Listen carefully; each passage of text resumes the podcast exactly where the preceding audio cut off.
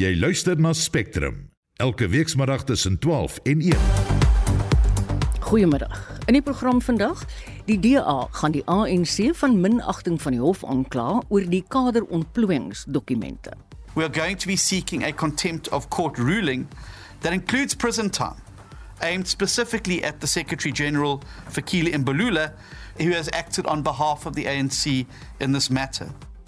Die uitgebreide polisie soektog na die 7-jarige Jocelyn Smith van Saldanha Bay wat maandag reeds as vermis aangemeld is, duur voort. En Israel, soos ons gehoor het in die nuus, stuur vandag 'n afvaardiging na Parys vir onderhandelinge oor 'n moontlike skietstaking met Hamas. Baie welkom by Spectrum. Die span is Hendrik Martin, ons redakteur, Daitron Godfrey, die produksieregisseur en ek is Marieta Kreer.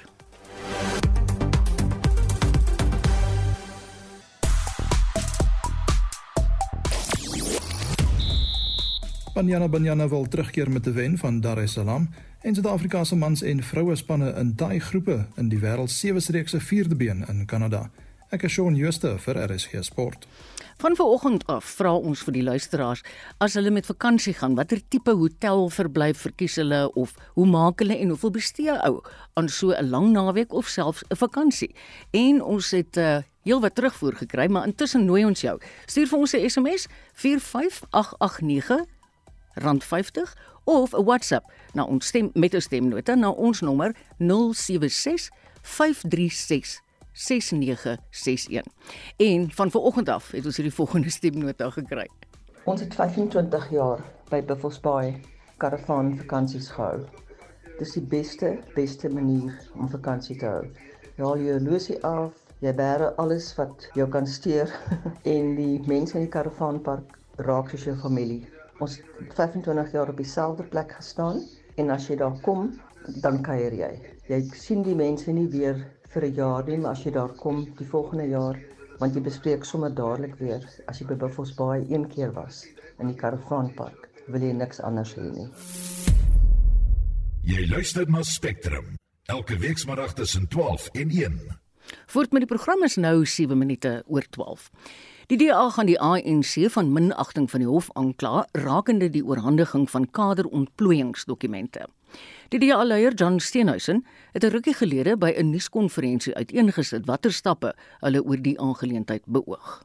We are going to be launching a contempt of court application against the ANC to obtain the copies of emails and WhatsApps that are relevant to the period when President Cyril Ramaphosa served as chairman of the ANC's Cadre Deployment Committee between 2013 and 2018, which we know from past experience and from the Zondo Commission was the height of the state capture process.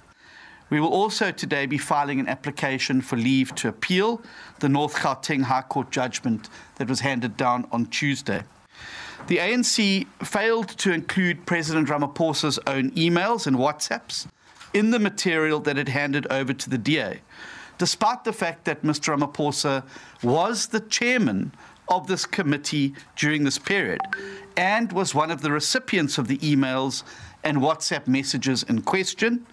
He ultimately bears responsibility for the operations of this committee, but has failed to depose an affidavit confirming he has no documents or information for this period, instead, choosing to rely on the, the dog ate my homework approach. The Diaz yesterday issued a letter of demand to the African National Congress for it to fully comply with the Constitutional Court's order with a deadline of tomorrow. If they do not adhere to this demand, we are going to be seeking a contempt of court ruling that includes prison time, aimed specifically at the Secretary General Fakile Mbalula, who has acted on behalf of the ANC in this matter. We will use the precedent created by the case of Jacob Zuma when he was sent to prison for similarly being in contempt of a constitutional court order. And finally, we will be pursuing criminal charges against ANC officials involved in the destruction of information as part of the blatant cover up campaign to try and wipe President Cyril Ramaphosa's fingerprints off of the CADA deployment records. Dit was die leier van die DA, John Steenhuisen, en ons bly by die onderwerp. Ons praat met professor Koos Malan, konstitusionele jurist en ook 'n genoot by Sakelika. Goeiemôre professor. Uh goeiemôre Marita. Kom ons begin heel voor. Dink jy die DA het regsgronde om 'n klag van minagting in die hof te lê?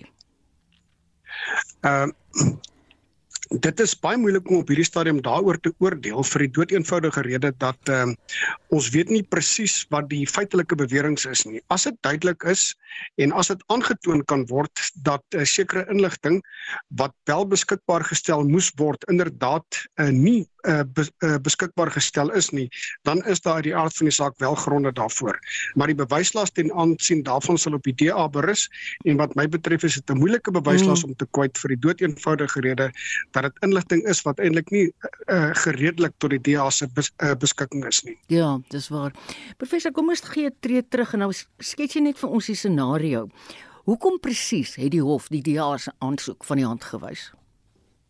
Die uh die hof het beslis dat die verskynsel van die aanstelling van mense wat behoort tot jou party uh tot die regeringsparty tot die tot die uh tot die uh, regerende party. Mm -hmm. Uh en wat behoort tot 'n uh, groepering van mense wat die regerende party se beleid goedgesind is. Dat dit 'n algemene praktyk is, algemene regeringspraktyk is ook 'n algemene praktyk in demokratiese state dat sodanige mense aangestel moet word. Met ander woorde dat wat ons nou sou noem kaderontplooiing mm. inderdaad nie 'n uh, tipiese verskynsel is wat net eie is aan Suid-Afrika en net eie is aan die uh, ANC nie, maar eintlik iets is wat deurlopend in alle demokratiese opsette voorkom.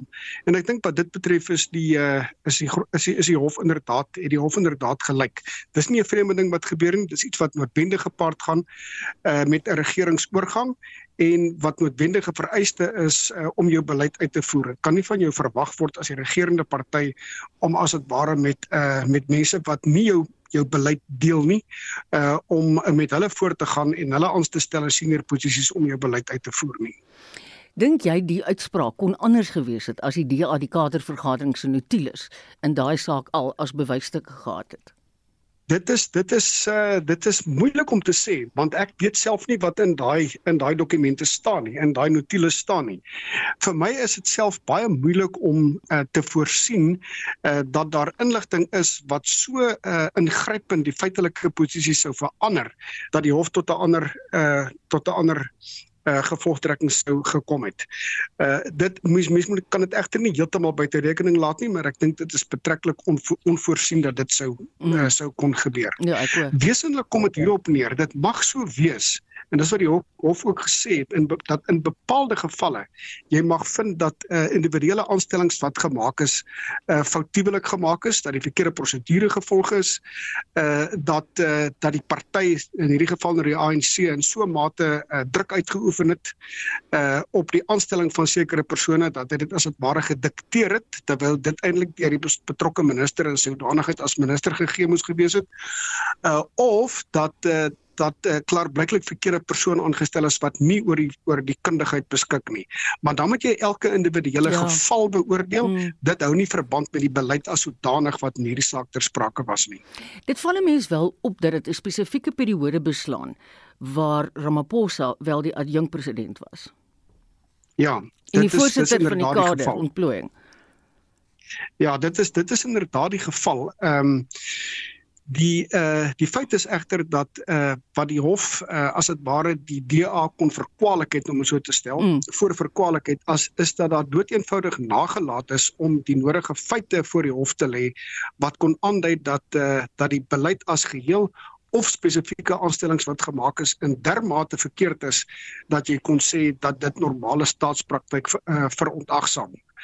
Uh die eh, die die die uit die uitspraak van die hof die gevolgtrekking wat die hof gemaak is is gemaak het is dat die DA se uh, se saak wat hy gemaak het teen se saak wat hy probeer bring het sy argumente wat hy wat hy wat hy gebring het teen staats teen teen kader uh, ontplooiing in den brede dat dit gebaseer was op uh, baie breë algemene beweringe sweeping statements so mens kon sê in mm, Engels mm, mm. Dat dit gebaseer was op spekulasie uh, uh op bespiegeling maar dat daar uiteindelik nie behoorlike getuienis was nie. Nou ehm um, Uh moontlik kan 'n mens die hof verkwalik dat die hof sekere goed wat die DA voorgelê het geïgnoreer ge het, maar op grond van die uitspraak wat ek gelees het, lyk dit asof daardie beskuldiging wel teen die DA gerig kon word uh en dat die nodige getuienis inderdaad nie gebring is op sterkte waarvan uh die hof tot 'n gevolgtrekking kon kan kon kom dat die beleid as sodanig verkeerd is nie. Kom ons luister gou na 'n insetsel. Die spreker hierso is die ANC se sekretaris-generaal Fikile Mbalula. The president of the ANC says at the Zondo Commission, it is the ANC's view that the practice of cadre deployment should not be inconsistent with the principles of fairness, transparency, and merit in the appointment of individuals in public entities. But we would concede there are weaknesses in its practical implementation that make the case for greater clarity both within political parties and the state. You will find that there is abuse and all of that, and we have also admitted the weaknesses. Die sekretaris-generaal van die ANC, Fikile Mbalula. Professor, as 'n mens kyk na die nuusbrokkies wat nou al uit die notules gekom het, soos byvoorbeeld met die aanstelling van die SAIK raad en die rol wat die kaderontplooiingsvergadering dalk gespeel het by die keuse van regters, word daar nie tog sekere perke oorskry nie?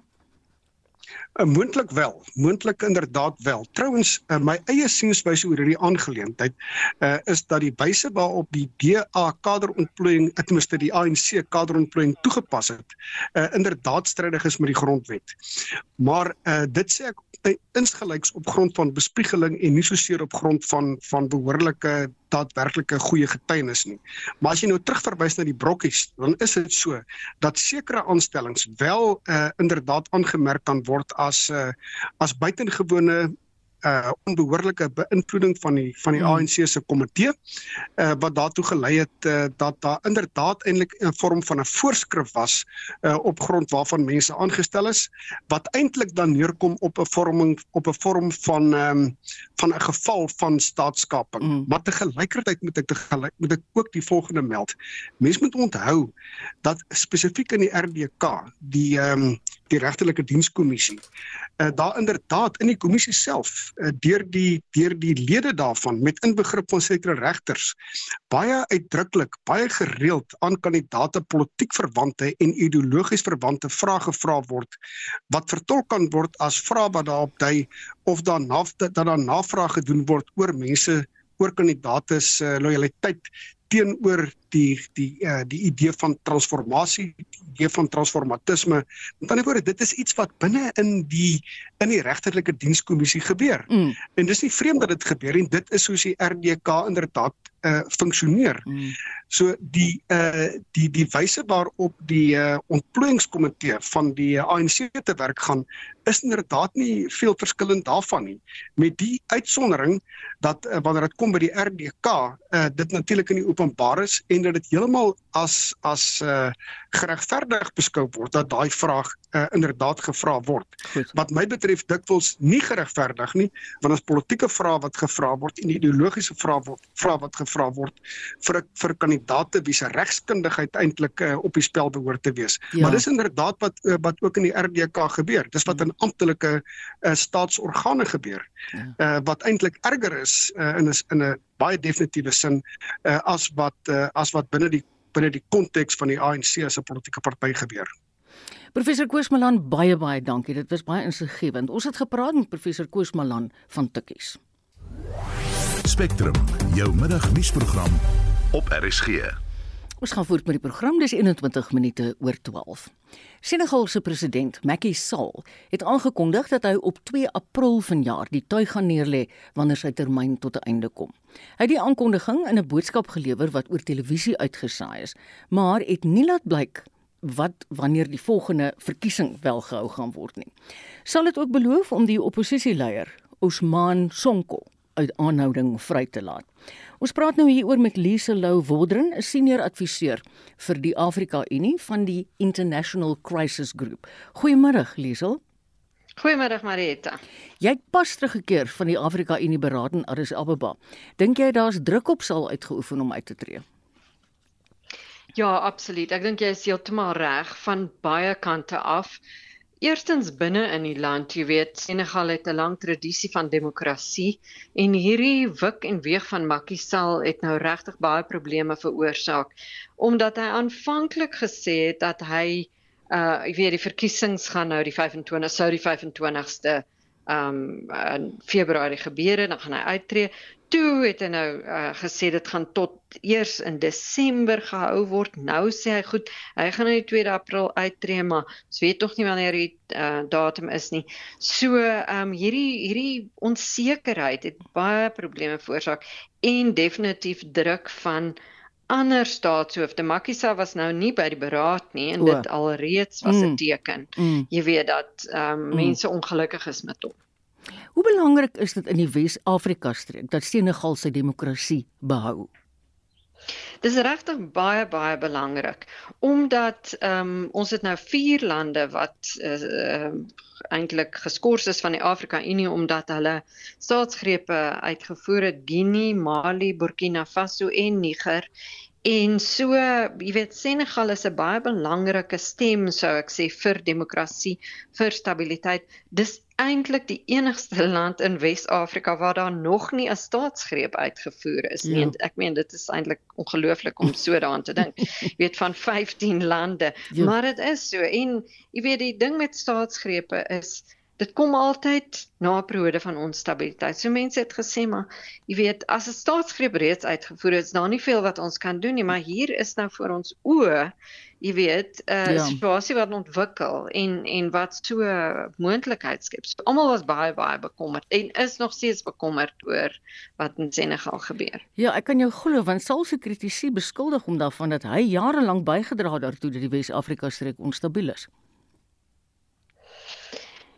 Ja, ehm um, sjoe, ek weet nie. Ek meen uh, hulle beskuldig hom dat hy uh Senegal in onstabiliteit gedompel het, jy weet. Mm. So ehm um, of ja. hy nou verantwoordelik is vir die res van die streek. Die vrees is dat as hierdie onstabiliteit aanhou. Ek meen daar's mense dood, daar's gedurig skole is gesluit, dan sit hulle die internet af. Jy weet dit ja. is die woord onstabiliteit, jy weet kan mense nogal ehm um, mm. bietjie verduidelik en ehm um, jy weet so dit dit kan uitkring ehm um, omdat okay, die groot probleem in Wes-Afrika natuurlik is terreur, terreurgroepe wat nou in hierdie lande soos Mali wat nou mm. aangrensend is aan Senegal baie baie baie ernstig baie weet duisende ja. mense is ja. dood en verplaas weens dit. Jy weet so as dit nou in Senegal ook gaan posvat dan is ons regtig in groot moeilikheid. Liesel baie dankie. Dit was Liesel Lou Wodren, 'n senior adviseur vir die Afrika Unie van die International Crisis Group. Israel stuur vandag 'n afvaardiging na Parys in Frankryk vir samesprekings om 'n moontlike skietstaking met Hamas te bereik en ook die vrylating van meer as 100 gijslaers wat steeds deur Hamas in Gaza aangehou word te bemiddel. Israel se eerste minister Benjamin Netanyahu het gisterand 'n voorstel aan sy oorlogskabinet voorgelê. Onderhandelaars, gelei deur die hoof van Israel se Mossad intelligensiediens, sal die vredesamesprekings bywoon.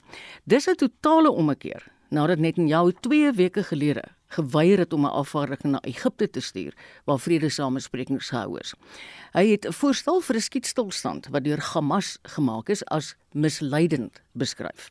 Kom ons luister na die BBC se Paul Adams. Something has changed since then. The US Middle East envoy Brett McGurk, who was here in Israel today, is understood to have told Mr. Netanyahu that Hamas's position has softened. We do not know the extent or the details of that softening, but clearly the government heard enough today to think that it is worth sending the Mossad boss and other top security chiefs to Paris for those talks. So that is a small sign of the possibility that these talks could yield something. This comes on top of remarks yesterday by Benny Gantz, a senior member of Mr. Netanyahu's government, suggesting that there were cautious signs of progress. Dit was die BBC se korrespondent Paul Adams. Ons bly by hierdie onderwerp en praat nou met 'n politieke ontleder aan die Universiteit van Pretoria, Roland Henwood. Hallo Roland. Goeiemôre Marieta. Wat dink jy, moet mense dit aan jou se besluit met versigtigheid lees? Ja, ek dink mense moet dit met versigtigheid lees want die realiteit is dat daar nog deurlopend onderhandelinge plaasvind. Ehm um, meeste van hierdie onderhandelinge vind agter die skerms plaas en dit word nie deur politici gevoer nie, maar intelligensiehoofde en ondersteuningspersoneel. Mm. En daar was 'n hele reeks van onderhandelinge en alhoewel net aan ja 2 weke terug die spesifieke voorstel verwerp het, ehm um, het dit nie beteken dat die onderhandelinge totaal opgeskort is nie. Daar's nog deurlopende onderhandelinge en en dis 'n roterende proses. By sommige van die onderhandelinge is dit net Egipte, Qatar en die FSA. By ander is dit Hamas en Egipte en Qatar. So so dis 'n proses wat kyk op watter mate kan hulle vertroue bou, maar ook tot watter mate kan hulle basiese beginsels van ooreenstemming kry en dit word dan gebruik om ooreenkomste te probeer beding. Wat ons gesien het is dat Hamas byvoorbeeld onlangs publiek gegaan het met bepaalde voorstelle en ja. onmiddellik het Israel dit verwerp. Nou dis maar 'n bietjie punte aanteken dink ek omdat hulle ook onder druk is mm. en en en Israel verwerp dood eenvoudig. Mm. Um, ek vermoed wat wat 'n baie belangrike rol hier speel is die druk wat die VSA nou spesifiek op Netanyahu begin uitoefen. Ek stem mee saam. En en ek dink dit maak dat hy dalk versigtiger is om in die openbaar te veel te sê. En dan is dit baie duidelik dat daar ook vanuit sy kabinet ehm um, daar word name genoem van sy mede-leiers wat begin ander standpunte inneem. So Netanyahu is duidelik onder baie druk en ons weet dat hy in die in die interne politiek in Israel is daar baie mense wat vertroue in hom verloor het. Ja. Ons sien al hoe meer tekens van mense wat hom die rug toekeer en hierdie kan die einde van sy politieke loopbaan beteken. So hy moet baie versigtig optree en en dink wat hy volgende gaan doen. Ja, ek ek hoor wat jy vir my sê. Wat dink jy is die toekoms vir Gaza en die mense wat daar woon? Wel op die kort termyn is dit 'n toekoms wat baie duister is. Ek meen die infrastruktuur is totaal vernietig. Ja. Die die die ondersteuningsprosesse wat mense aan die lewe hou, winkels, die voorsiening van voorrade is totaal vernietig. Hmm. So dit gaan 'n hele tyd vat om om dit ja. te herstel en dit beteken die mense van Gaza wat gevlug het, het alles verloor. Hulle het niks om na terug te gaan nie. Ehm um, die wat nie in vlugtelingkampe leef nie, leef in haglike omstandighede. En en dis die tragiek van die omgewing dat Egipte en Jordanië begin al hoe meer weier om van die mense in te neem want dit het vir hulle langtermyn implikasies ja, en langtermyn risiko's. Mm. So so die die mense van Gaza is in 'n uiters moeilike situasie. Fooi. Baie baie dankie Roland. Ons het gepraat met 'n politieke ontleder van die Universiteit van Pretoria, Roland Henwood. En nou skuif ons die fokus terug hier na Suid-Afrika. Die grootskaalse polisie soek tog na die graad 1 leerling Jocelyn Smith van Middelpos by Saldanha Bay aan die Weskus wat maandag reeds as vermis aangemeld is, duur steeds voort. 'n Helikopter is vroeër hierdie week ontplooi. Die polisie se honde-eenheid fynkam 'n wyd verspreide gebied en 'n desperate en verslae gemeenskap staan saam om na te help soek. Jocelyn is 'n leerling aan die laerskool Diaswil in Saldanha en is maandag die laaste keer gesien deur haar ma. Ons praat nou met ons oud SAIK fokusregisseur Dani Jeffers wat ek seker julle almal ken. Dani is deesdae op Sint Helena baie na sy aftrede, maar dit klink my jy's so heeltemal afgetree nie want ek hoor jy's 'n gemeenskapsjoernalis aan die Weskus, hulle Dani. Haai Marita, ja, dit is goed om weer met jou te gesels na soveel jare. is so. Ja, ja, nee, ek het, ek het die maaltyd opgesaal en uh, my eie nuusdiens begin om die Weskus 'n bietjie te bemark. Maar dis wonderlik, en, uh, baie geluk. Eintlik, ja, ja, nee, dit uh, dit hou my besig. Dani, vertel vir ons presies in so 2-3 sinne. Ek hoor die gemeenskap staan baie saam, maar wat is die algemene gevoel daar?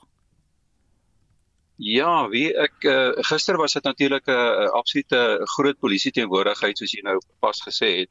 Helikopter, ehm um, honde eenhede wat almal gesoek het en so aan. Selfs 'n uh, stormwatersloot wat wat leeg gepomp is nadat van die gemeenskapslede wat hulle gesê 'n uh, bloederigheid opgemerk het in die water. Dit is toe letterlik weer gepomp, maar niks is gevind nie. Ek het weer vanoggend 'n draai gemaak en uh die die polisie was nie vanoggend daar gewees nie, nie wat ek gesien het nie, maar die die gemeenskap het het het weer groepies gevorm en 'n 'n redelike uitgestrekte duinegebied uh buite um Saldanha um het het hulle begin soek en want hulle het blykbaar um soos hulle sê 'n plakkie gekry. O. Nou die plakkie kan nog iemand behoort maar dit het toe nou hulle laat besluit om om die gebied self te soek mm. um, per voet mm. maar um, ek is so laat laat oggend daar weg en en toe het hulle nog niks gekry nie so tot op hierdie stadium sover my kennis strek is Jocelyn nog steeds vermis ongelukkig Ja, ding, dit is baie sleg want ek weet elke dag wat verbygaan raak jou kanse skraler, né, Dani? Ja, ja, en en wat my uh, opgeval het vanoggend, uh, jy weet, uh, van die mense het so ver gekom as uh, selfs van die Kaap, uh, mense van Vredenburg, ons ons hoofdorp in die Weskus.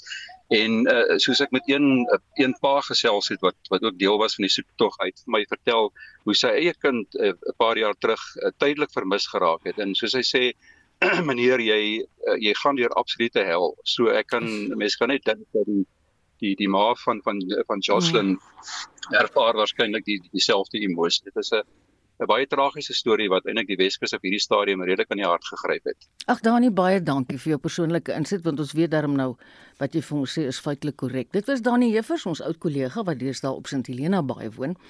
En ons bly by Jocelyn se storie en ons praat nou met 'n aktivis vir mishandelde vroue en kinders van die nie-regeringsorganisasie Heavenly Promise in Berdasdorp, Lana O'Neil. Goeiemôre Lana. Hallo Lana.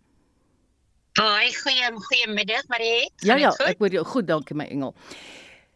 Volgens Dani wat hy nou vir ons vertel het. Klink dit of die gemeenskap baie sterk saam staan. Is dit jou ervaring dat dit gewoonlik gebeur as iemand vermis raak? Ja, met my ervaring van 20 jaar, dit is die enigste oomblik wat die gemeenskap saam staan.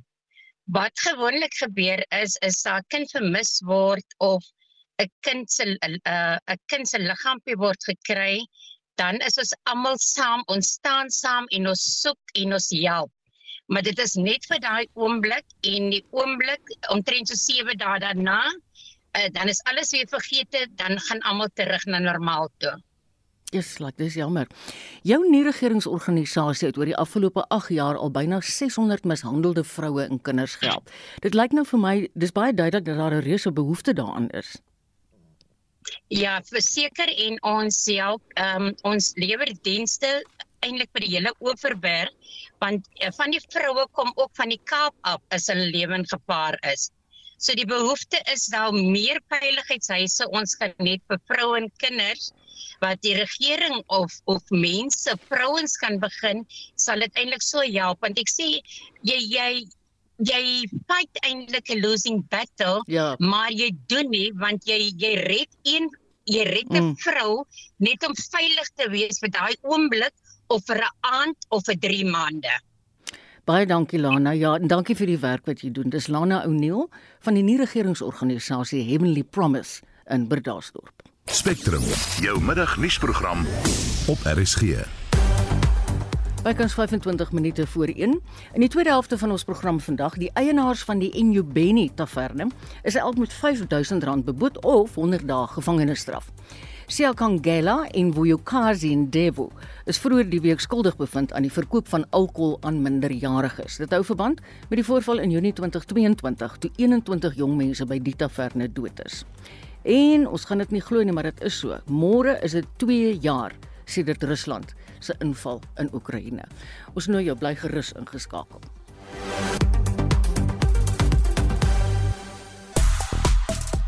Ons het heelwat terugvoer gekry van die luisteraars na aanleiding van ons vraag oor waar hou julle graag vakansie en wat is julle bereid om te spandeer aan julle vakansies en hierdie is wat ons teruggekry het. Selfsorg verblyf vir my asseblief. Karavaan moet jy 'n spesiale voertuig hê, 'n groot voertuig om te kan sleep. Dit maak dat jy ekstra brandstof moet gebruik. Tent is ongemaklik. Jy moet alles saamvat. Ek is nie 'n kamper nie. So dankie. Selfsorg verblyf vir my is baie lekker. Ek moet sê karavaan is, gerieflik en hy bring jou net bietjie uit die leksheid uit en dis ook nie ongerief om om te gaan kamp nie. Tentkamp, het dit al probeer, baie kite gespeel met jou tent, dit werk nie. So karavaan is baie meer geriefliker en ehm um, jy maak vriende en almal gesels met mekaar, almal braai saam en so self met die kinders ook. Die kinders geniet dit. As jy kan nie na 'n kampterrein toe gaan met 'n karavaan en nie jou kinders se fietsse saamvat nie. Hulle geniet dit. Hulle jy weet nie van hulle nie. Bonus sit vir 'n liggie op en hulle is heel aand in die pad en in die bos en hulle geniet dit net. So ja. Ons praat nou met Shaun Jooste oor die jongste sportnuus. Hallo Shaun. Goeiemôre Marita. Vanmiddag se eerste been in Dar es Salaam is van die van kardinale belang vir Banyana Banyana, want hulle wil tog kyk of hulle Olimpiese spele toe kan gaan in Parys, né? Nee. Ja, Banyana Banyana poog om vir die 4de en laaste kwalifikasieringsronde te kwalifiseer na oorwinning in 'n wegwedstryd verlig net die druk so effens vir daardie tweede been. Nou Tanzanië het Botswana ook onlangs verrassend is nie 'n span wat onderskat moet word nie. Nou Alice verduidelik hoe belangrik die eerste been vir Banyana Banyana is. The last couple of games we've played away, we drew games, but it's games that we could have won and should have won with the chances that we had. And knowing that also, we're coming off a pre-season. I think we were in a similar situation in 2022 when we played Algeria, who were in season, the same like Tanzania are now. And we came in early to prepare, and I think this week has gone extremely well, which will help us in that. But like I say, we go out there to do well in every game. We don't leave it to chance and wait for the second leg because if we're going they're deciding how we're going to play or we're not but don't want to win the game, we will find ourselves on the back foot before we know it and we can't get out of it.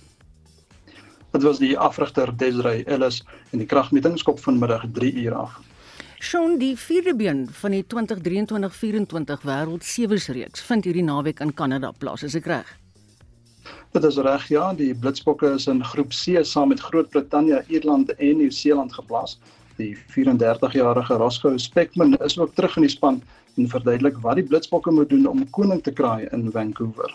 Die naweek as ons net al die basiese goed reg doen wat die afrigters vir ons gee op die dag, kan ons net seker maak en ons kan suksesvol wees met die basiese goede soos ek gesê het in Dubai het ons mooi uit te gaan ons het vir mekaar gespeel ons het vir die kultuur gespeel ons het vir alles gefight elke oomblik wat ons het daar buitekant en dis hoekom ons suksesvol was.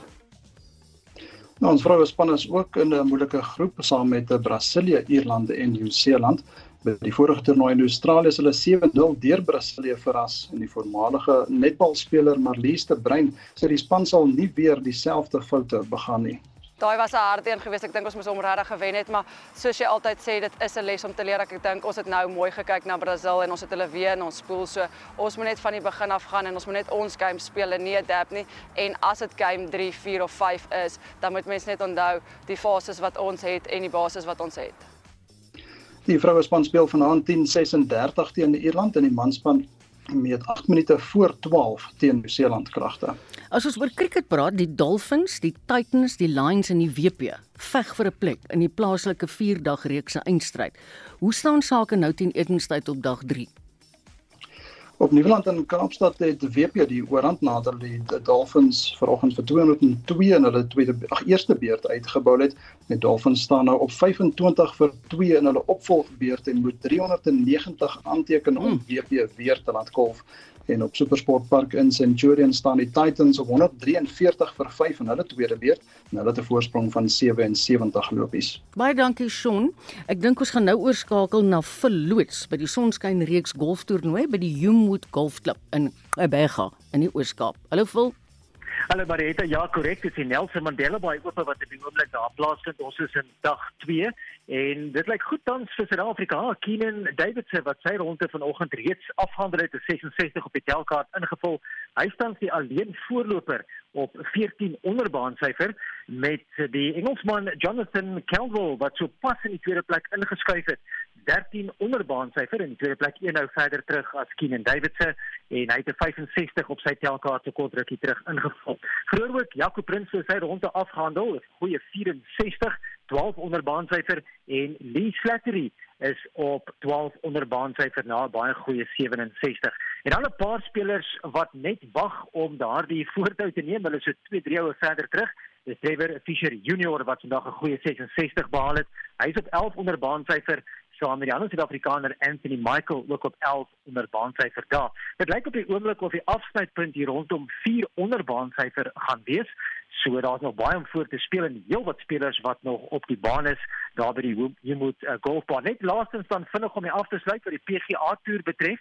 Suid-Afrika se Erik van Rooyen na die eerste ronde. Die voorloper daar in Mexiko so baie goed daar vir Erik van Rooyen. Die tweede ronde wat later vandag Suid-Afrikaanse tyd sal afslaan. En wat die Kenia Ope betref dit is op die DP Wêreldtoer is dit Ryan van Velsen wat een nou agter die voorloper is na die eerste ronde. Hy is in die gesamentlike tweede plek. So tans ook 'n baie goeie uh, dag daar vir die Suid-Afrikaners by die Kenia Open met Pieter Moelman eenhou verder terug op 3 onder baanryfer. Dit is die golfnuus, maar het dit terug na jou. Baie dankie. Dit was verloots. Jy luister na Spectrum op RSG. Ek moet nou mooi my somme maak. Dit lyk vir my dis so 17 minute voor 1. Mens kan dit nie glo nie, maar môre is dit presies 2 jaar gelede wat Rusland Oekraïne binnegeval het. En om daaroor te gesels en te dink wat is alles aan die gang en wat is al bereik al dan nie. Professor Antoni van Nieuwkerk van die Thabo Mbeki Afrika Skool vir Internasionale Betrekkinge. Goeiemôre Antoni. Goeiemôre Mariet. Antoni, jy het vroeg in die oorlog voorspel dit gaan baie lank duur. Hoekom het jy destyds so gesê? Ja, ek het ek het destyds nie 'n maklike oorwinning gesien nie want ek het gewonder wat dit is wat Rusland wil bereik en wat die Europeërs wil bereik deur die Russe teen te staan. Mm. En uh en ek dink met die verloop van die oorlog het dit duidelik geword dat daar nie 'n vinnige uh 'n wen is vir enige van hierdie rolspelers nie. En trouens, jy weet, ek dink dit raak selfs meer ingewikkeld nou. Ehm um, en ek is amper bereid om te sê dit gaan nog 2 jaar duur. Jo. uh ja, ongelukkig. En jy weet die manier om daaroor te dink is dis 'n ingewikkelde saak. Uh mense kan nie vinnig daaroor gesels nie, maar net miskien 'n paar uh, uh rigpunte. Uh vir 'n mens om verder daaroor te dink is jy moet vir jouself afvra wat is die wat is die doelwitte van die vier groot rolspelers? Wat wil hulle bereik met hierdie oorlog in die Oekraïne? En nou kan sommer met met wegtrek met Zelensky wat die wat die president van die land is. Wat is dit wat hy wil bereik? Uh en dan is die tweede groot rolspeler uh Rusland en natuurlik president Putin. Vladimir Putin. Wat wil mm. hy bereik in die Oekraïne? Die derde groot rolspeler is die Amerikaners. Yep. Uh en president Biden uh tot tyd en wyl hy nou in die verkiesing dalk mag wen of verloor en met ander daar's dadelike verdere uh, drama mm. uh op die spel en dit is as Trump wen dan gaan die Amerikaanse benadering heel waarskynlik skuif. So wat is dit wat die Amerikaners daar wil doen? Ek wil vinnig by sê die Amerikaners is 'n super moondheid, jy weet, hulle kan die ding maak of breek, net soos in Gaza. Hulle kan die ding maak of breek. En dan is die die die ander rolspeler is die bure daar by Oekraïne in in die Europese Unie. Ehm um, en die leidende figuur daar's Ursula von der Leyen, von der Leyen. Mm. Ehm um, maar ek sien hulle wil vir 'n Hollander aanstel as die volgende voorsitter van NAVO. Ehm um, Rutte wat die die wat voor, hy was die eerste minister ja. wat uitgestem is ja. nou onlangs. Uh, hy's 'n oorlogsigtige man want hy is op rekord waar hy gesê het so 'n paar maande terug ons gaan oorlog maak in die Oekraïne totdat die Russe verloor en en NAVO wen. Jo. Met ander woorde hy hy mm. ja ja, hy's oortuig en die Hollanders, jy weet, stuur alles wat hulle kan na die Oekraïne toe. En ehm um, die ander ek praat nou oor die Europese benadering. Hulle gooi nog klomp gewig in agter die oorlogspoging. Byvoorbeeld die Dene, jy sal dit nie glo nie. Denemarke het gesê al die artillerie wat ons het, al die ammunisie wat ons het, gee ons so vir Zelensky se weermag. Just like en en ek het myself afgevra wat gaan aan hoekom sal 'n land so iets doen en iemand het my verduidelik ons moet ook verstaan daar's die politieke ekonomie van oorlog met ander woorde uh mense maak geld uit oorlog. Dis nou nie 'n mm. mooi ding om te sê nie, maar mm. dit dis 'n dryfveer agter die voortsleepende voortdurende mm. oorlog in die Oekraïne. Met ander woorde, uh die Amerikaners en baie van hierdie Europese NAVO-lande, hulle raak ontslaaf van hulle ouer uh toerusting. Ek verstaan. Hulle skenk dit en dan en dan maak hulle 'n groot argument in hulle eie parlement vir geld om nuwe toerusting te koop want hulle sê die groot oorlog kom teen China ons moet onsself voorberei. So dit is 'n groot dryfveer. Antonie, weet dit is eintlik skokkend as 'n mens kyk op die kaart. Hoe 'n groot deel van Oekraïne word alreeds deur Rusland beset? Ja, die kaart is belangrik. Ek het ook na die kaart gaan kyk weer eens want uh, nou onlangs in hierdie week in die afgelope paar dae het een van die belangrike uh uh dorpe geval uh Avdivka en die Oekraïne het verloor, die Russe daar oorgeneem. Dis 'n dis 'n verwoestende ehm um, uitmergelende oorlog want daar is niks van daai dorp oor nie. Dis net ruïnes. Dit lyk so bietjie soos Gaza of uh of uh jy weet ander tipe van oorlogssituasies. Ehm um, uh, die die Russe om die punt te maak, wat wil Putin bereik? Putin sê dis miskien 'n langer gesprek uh Putin ehm um, sê dat die Oekraïne eintlik maar histories aan Rusland behoort en hy wil seker maak dat die Oekraïne nie ingesleep word in die politiek van die Europese Unie nie wat een van Zelensky se dryfvere is. Hy wil aansluit by die mm. Europese Unie en dan as 'n Europese Unie lid voordeel trek uit die ekonomie van die EU, maar ook militêr gesproke kan die kan die EU en NAVO dan hulle wapentuig in Kiev gaan neersit, die hoofstad van Oekraïne wat 'n uh, 'n uh, 'n klip gooi van Moskou afgeleë is. En net daar sê Putin dit kan nie gebeur nie dis hoekom ons die Oekraïne wil terugvat en dat in die Donbas streek weet jy in, ja, ja, ja. in die weste van Oekraïne daar waar die Krim skiereiland is. Ek dink ons luisteraars sal onthou Putin het gesê maar die mense wat daar bly, hulle is Russe, hulle behoort aan ons en hy het sommer die plek oorgeneem. Mm. En in die Donbas streek is daar seker provinsies wat waar die mense ook Russies praat en daar het hy ook dis waar die oorlog aan die gang is. Daar mm. het hy ook groot vordering gemaak. Die Oekraïne is eintlik gesny tussen, jy weet, tussen Wes en Oos. Mm. Ja. Antonie baie dankie vir jou insig daar. Dis professor Antonie van Nieuwkerk van die Tabo Mbeki Afrika Skool vir internasionale betrekkinge. Nou te midde van die naderende verkiesing navigeer die Suid-Afrikaanse regering deur 'n begrotingslandskap wat oorloop van uitdagings. In Outa se jongste ontleding word die begroting vir 24 vergelyk met 'n desperate poging tot brandbestryding omdat dringende sosio-ekonomiese kwessies aandag verg. Met kritieke sektore wat onderdruk is en openbare frustrasie wat toeneem kom die regering se fiskale besluite nou onder die vergrootklas. En ons praat daaroor met die hoof van verantwoordbaarheid by Alta, Stefanie Fik. Hallo Stefanie. Ag goeiemôre Marietta. Wat is die belangrikste punte van julle ontleding oor hierdie begroting?